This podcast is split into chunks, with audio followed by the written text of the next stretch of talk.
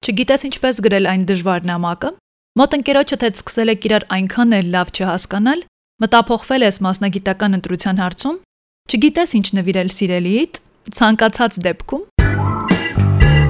հարցրու վեգային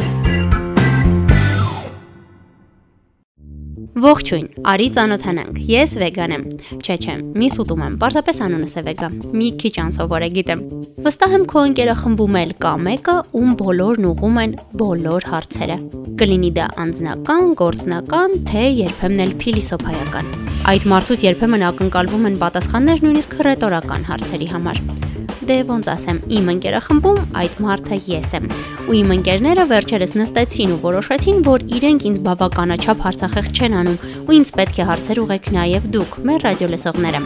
Դե խոսքը մեր մեջ ես այնքան էլ դեմ չեմ։ Այնպես որ եթե ունես ինչ որ հարց, որը ինչ-ինչ պատճառով չես ցանկանում տալ մտերիմներիդ, ուղարկիր այն իմ ռադիո Instagram-յան կամ Facebook-յան էջին, իսկ եթե շատ-շատ անձնական է, ապա իմ անձնական էջին։ Իմ գործընկեր Անահիտի օգնությամբ մենք այն իհարկե անանուն կհնչեցնենք եթերում ու ես կփորձեմ պատասխանել։ Դե ինչ, սկսեցինք։ Վեգա ինչպես մոռանալ նրան եւ չհիշել։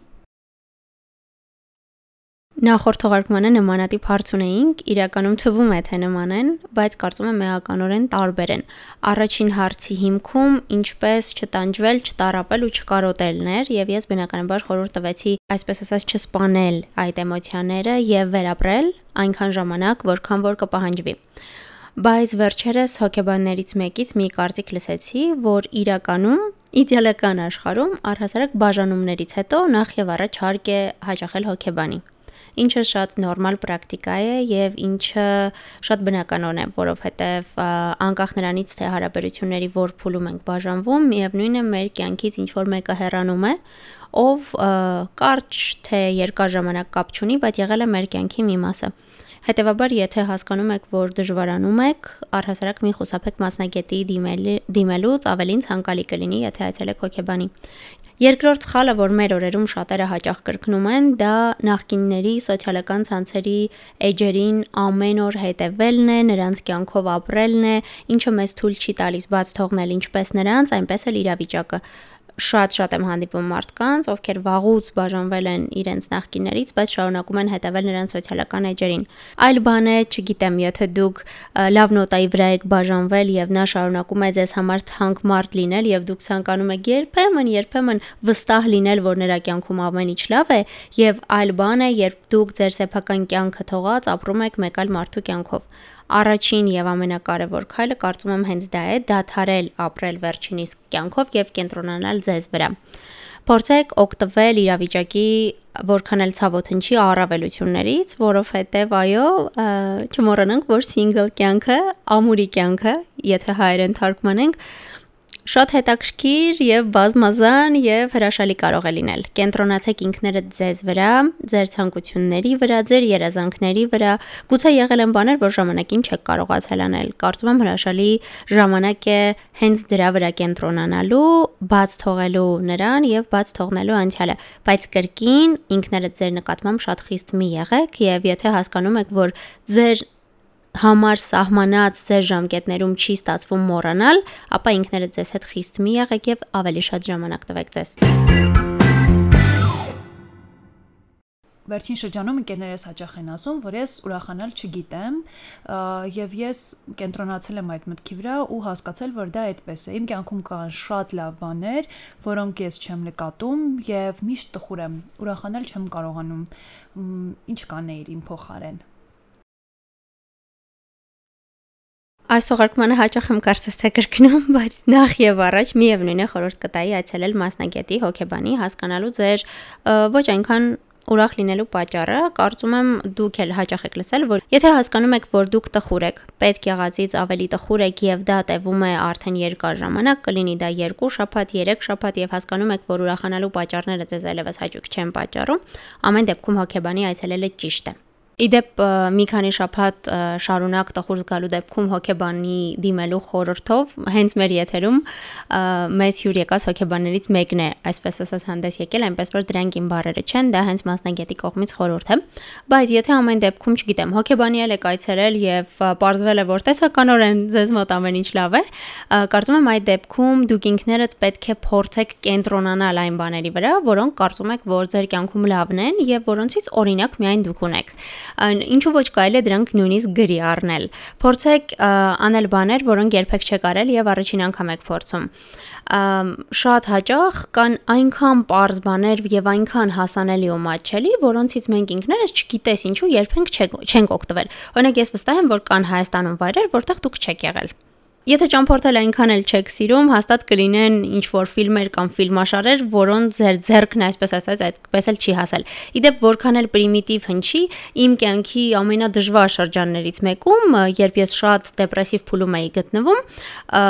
առաջին անգամ որոշեցի նայել Friends-ը։ Դա 2019 թվականն էր։ Friends-ը արդեն շատ հին սիթքոմ էր, որը բոլորը նայել էին եւ ես վստահ էի, որ իմ կյանքում ոչինչ չի փոխվի, բայց արի ուտես, որ այդ 6 ընկերները այդ ընթացքում դարձան նաեւ իմ ընկերներ ու իմ կյանքի ամենադժվար ժամանակահատվածներից մեկում ինձ օգնեցին։ Ես չեմ խորհուրդ տալիս անպայման հենց Friends-ը նայել, ընդհանրապես սրանով փորձում եմ ասել, որ երբեմն շատ պրիմիտիվ քայլերը, որոնք թվում է թե դժվար թե ինչ որ բանով օգնեն, կարող են իրոք պիտանի լինել եւ օգտակար։ Բացի դրանից դուք նշել եք, որ ձեր ընկերներն ասում են, որ դուք չգիտեք ուրախանալ, իսկ գուցե ուրախանալու ձեր ձևերը տարբեր են։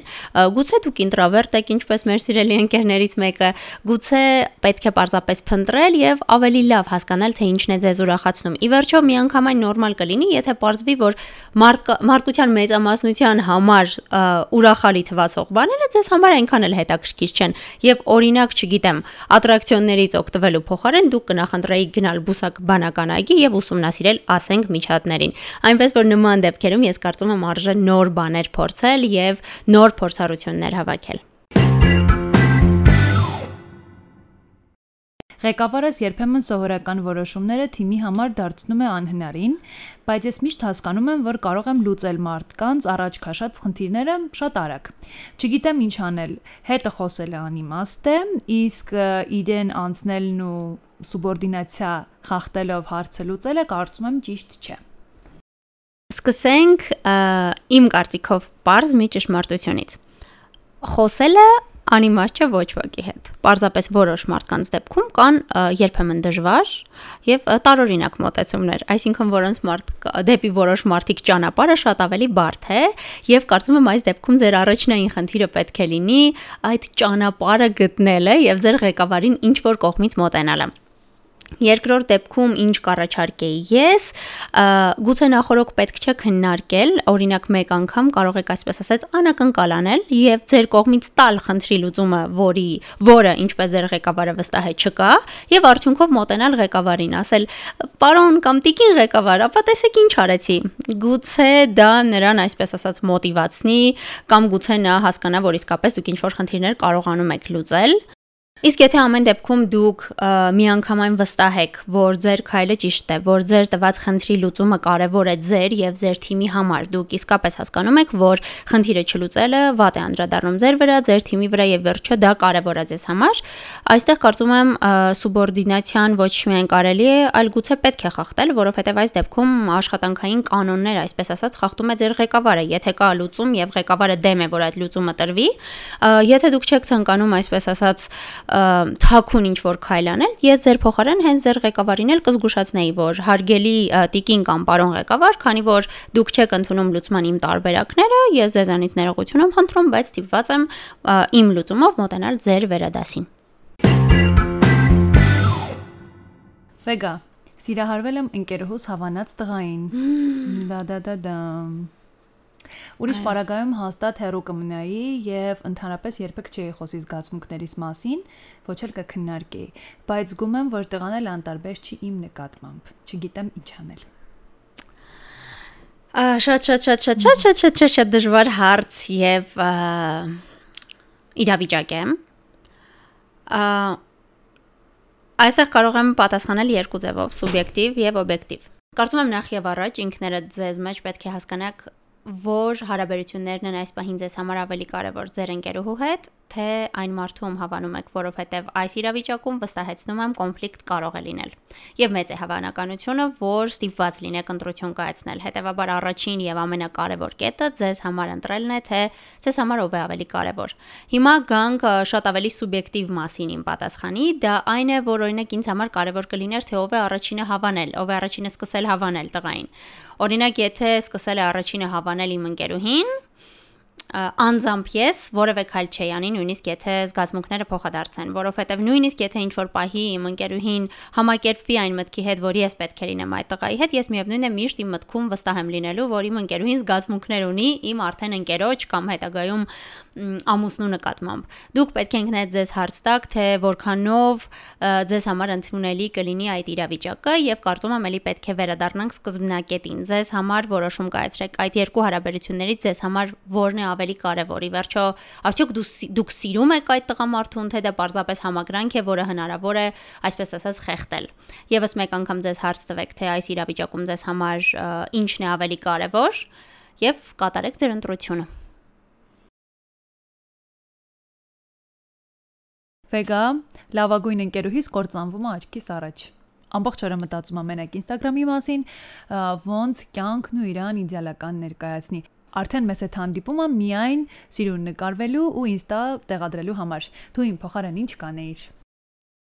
Քայլ առաջին։ Նախ դուք պետք է վստահ լինեք, արդյոք ձեր ընկերուհին գիտակցում է, թե նա ինչ է անում։ Երկրորդը, եթե կարծում եք, որ այնքան էլ չգիտակցում ինչ է անում եւ եթե ձեզ համար կարեւոր են այդ հարաբերությունները եւ դուք ցանկանում եք դրանք փրկել, ապա անկախ այն փաստից թե որքան է դա դժվար, դուք ձեր ընկերուհու հետ պիտի ունենաք այդ ոչ այնքան հաճելի զրույցը։ Ունենաք այդ զրույցը եւ նրան հայտնեք, որ սիրելիս Կարծում եմ դու վտանգավոր ուղու վրա ես եւ ես անհանգստանում եմ քեզ համար։ Ամբողջ խոսակցությունը պետք է ձևակերպվի հենց այդ մտքի շուրջ, որ դուք անհանգստանում եք վերջինիս համար, որովհետեւ ի վերջո դա ճիշտ է։ Այնինչ դուք նկարագրեցիք, խանգարում է առաջին հերթին նրան, վստահաբար եւ ոչ ձեզ։ Հետևաբար այդ խոսակցությունը պետք է ունենալ հենց այդ տեսակետից, որ դուք անհանգստացած եք այդ մարդու համար։ Դրանից հետո արդեն գալիս է երրորդ փուլը, որը ամբողջությամբ կախված է ձեր ընկերուհուց։ Արդյոք նա կզգա իր սխալները եւ կփորձի թե մենակ, թե մասնագետի օգնությամբ հասկանալ դրանց պատճառներն ու ուղղել։ Եթե կուղի, դուք այսպես ասած յետ կշահեք ձեր ընկերուհուն եւ ամեն ինչ լավ կլինի, ինչպես ենթադրում եմ եղել է ժամանակին։ Եթե ոչ, ապա մենք կունենանք երրորդ քայլը, որը կրկին կլինի ձեր քայլը։ Արդյոք ձեզ պետք է ձեր ընկերուհին այս նոր տեսակով, նոր ձևաչափով, արդյոք ձեզ որպես ընկերուհի պետք է այն նոր մարդը, որին վերջինս վերածվել է։ Ի վերջո մարդիկ փոխվում են, ժամանակները փոխվում են եւ գուցե ինչ որ պահի ստիպված լինեք համակերպվել, որ այս մարդն այժմ եւ այսուհետ միշտ այսպեսին է։